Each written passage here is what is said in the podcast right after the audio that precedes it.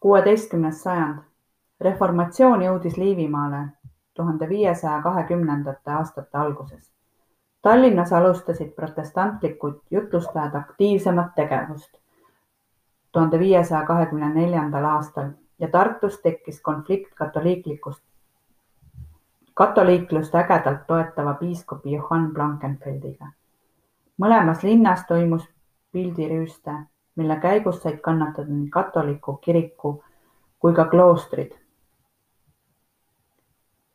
tuhande viiesaja kahekümnendate aastate lõpuks olid enamik Eesti linnadest reformatsiooni omaks võtnud, vaid Viljandi, Haapsalu ja Vana-Pärnu, kus katoliku vaimulike ja maaisandate mõjuvõim olid suuremad, jäid pigem katolikust, katoliiklust toetavatele positsioonidele.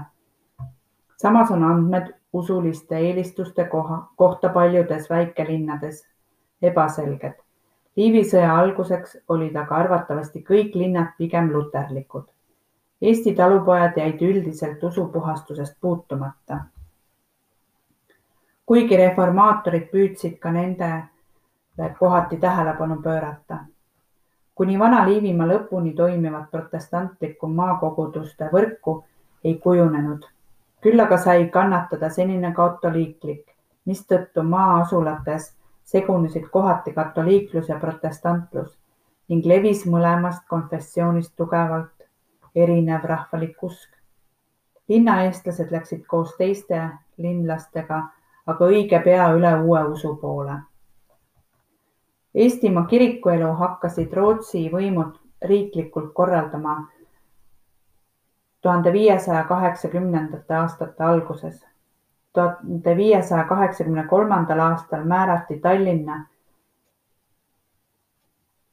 luterlikuks piiskopiks Kristjan Agricola. keldipalve, rahu,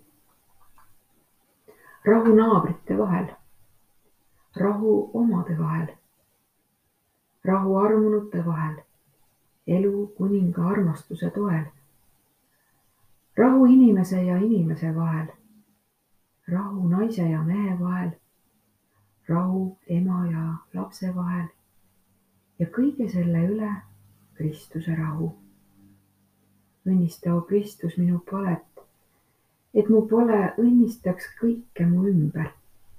õnnista, o Kristus, mu silmi et need õnnistaksid kõike, mida nad näevad. William Shakespeare kirjutab.